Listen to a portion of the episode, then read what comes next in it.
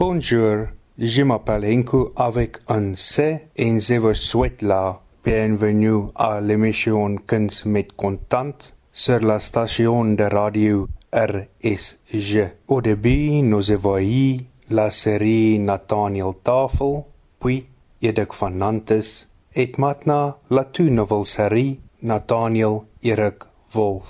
Chaque semaine, et nous sommes invités à ce André Nathaniel et son frère Eric Leroux dans un voyage gastronomique en Nantes, en France. Laissez-moi, Eric et moi, nous avons pas eu la tâche de terminer une conversation sur sa vie en France et nous avons pensé que nous pourrions continuer.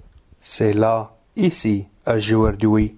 Eric, bienvenue à Kuns met Kontant. Ek is Henko met 'n C en baie welkom by hierdie week se aflewering van Kuns met Kontant. Daar was die TV-reekse Die Nathaniel Tafel, toe Edik van Nantes en nou 'n splinternuwe reeks getiteld Nathaniel Erik Wolf. Weekliks nooi Nathaniel en sy broer Erik Leroux ons uit om saam met hulle 'n kosreis na Nantes in Frankryk te onderneem. Ek en Erik kon onlangs nie uitgekyer raak oor sy lewe in Frankryk nie en ons het dit goed gedink om ons kuier vandag hier op Kuns met Kontant saam met jou voort te sit. Erik, baie welkom op Kuns met Kontant. Baie dankie Henko. Dis Erik uh met 'n K. Baie dankie vir die moeite. Heerlik om met jou te praat. Erik, die aanname by mense is dat jy en jou gesin in 'n Franse chateau woon.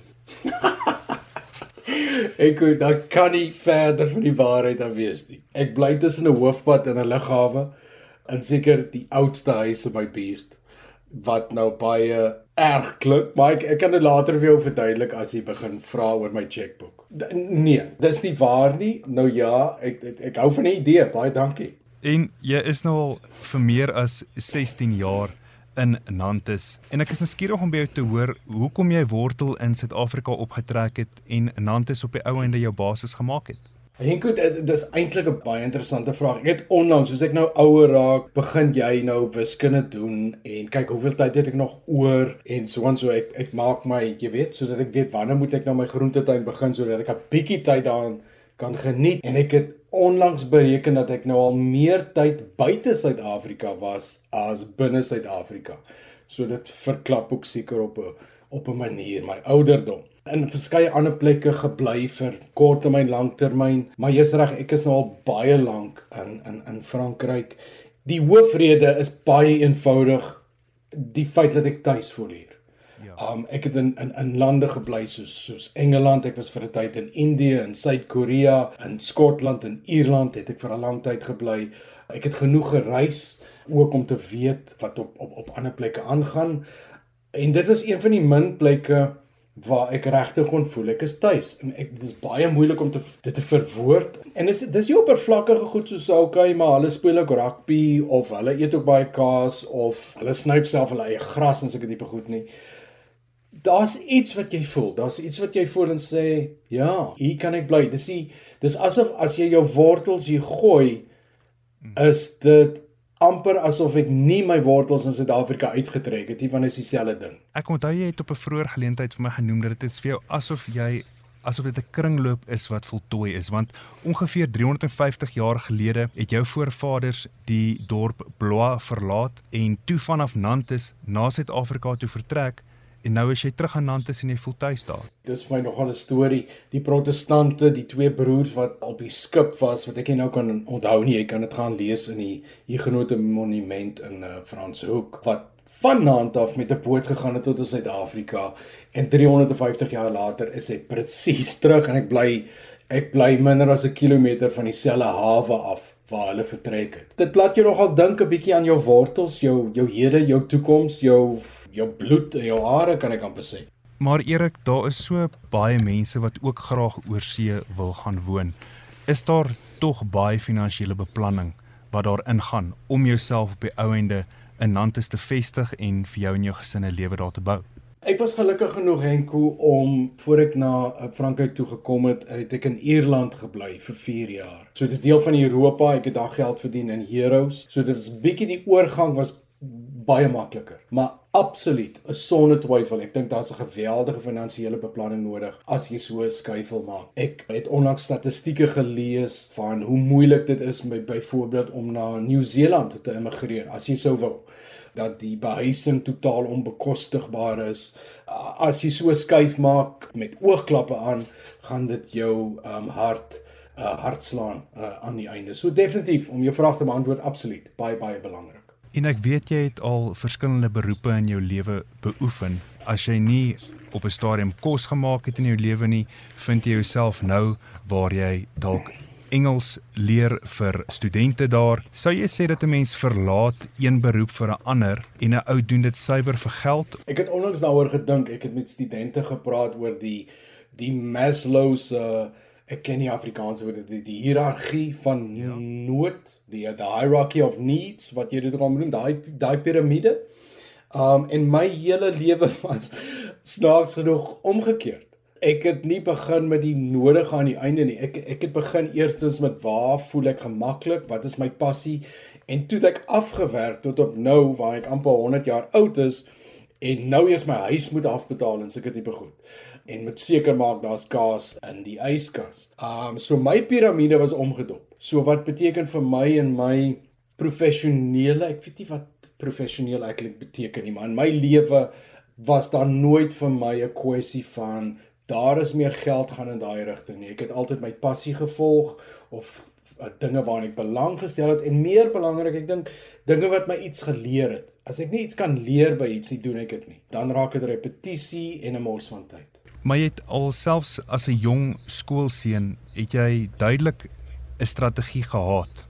En ek wil by hoor of jy nou nog 'n strategie met jou alledaagse geld het. En dit is dat jy het as skoolkind op Sondag Nathaniel se kar vir hom gewas as hy van die universiteit af vir die naweek by die huis kom kuier het. En in daardie motor het jy op geweldig baie klein geld elke keer afgekom. So jy het met 'n plan gewerk vir ons daardie Ek was jy gesien het hoe daai volksie gelyk het. Sou jy dit gratis gestofsuig het? Dit omdat jy soveel klein geld onder die maatjies en oral opgetel het. Verskriklik. Hare, gel, koerante, um lipstick, potlode. Dit was 'n verskriklike storie. Dit was my vir my soos 'n ontdekkingsreis. My ma was verskriklik en sy is nog steeds 'n verskriklike netjiese mens en en en ek ongelukkig ook. En as jy na Nathaniel se volksie gekyk het waarna hy naweke van Stellenbosch af gery het, my absoluut verwonder. Wat gaan in sy lewe aan dat jou kar so kan lyk? Dit was 'n verskriklike situasie. So dit was nie nood nee, noodwendige strategie nie. Maar dit was lekker om jy weet 50 sent stukke onder sy maatjie op te tel en dan kon ek gaan chappies of uh, chomps koop. Natuurlik. Maar ek moes eintlik die geld vir hom teruggegee het, maar ek het nie. Maar het hy op die ouene na elke kar was, ehm um, jy ook beloon met 'n voetjie? Nee. Nee, hy het niks af van geweet nie. Hy ek dink hy kom baie goed bestuur op daai stadium. So ek dink nie hy het eers gekyk na waar sy voete op die klats gesit het nie. Nee, dit was nie soos 'n klein boetstof sy groot boet se kar en nou betaal jy hom R5 nie. Dis iets wat ek gedoen het want uh, my groot boet was by die huis. Ek moet iets vir hom doen. Jy het nou genoem dat jy selfs op haar gel in Nathaniel se volksie afgekom het. Ek onthou dat jy in jou 20er jare het jy jou hare in 'n hotel in Namibië afgeskeer en dit was nog lank voordat Nathaniel 'n kaalkop was want op daardie stadium was Nathaniel lief daarvoor om 'n ponyster te dra wat hy gegel het. Dis korrek. Hy hy het dit afgesnou op 'n stadium en 'n portret gesit en verkoop vir vir welsyn dink ek. Ja, ek ek, ek ons het nie goeie hare nie. Behalwe my sussie, Madre het fantastiese hare. Ek is so jaloers. Ons drie broers, ons het nie goeie hare nie. Dis 'n stokkerige storie. En op 'n stadium in jou lewe dan dink jy net, okay, dis nou dis nou genoeg gekam hier met 'n middelpaadjie.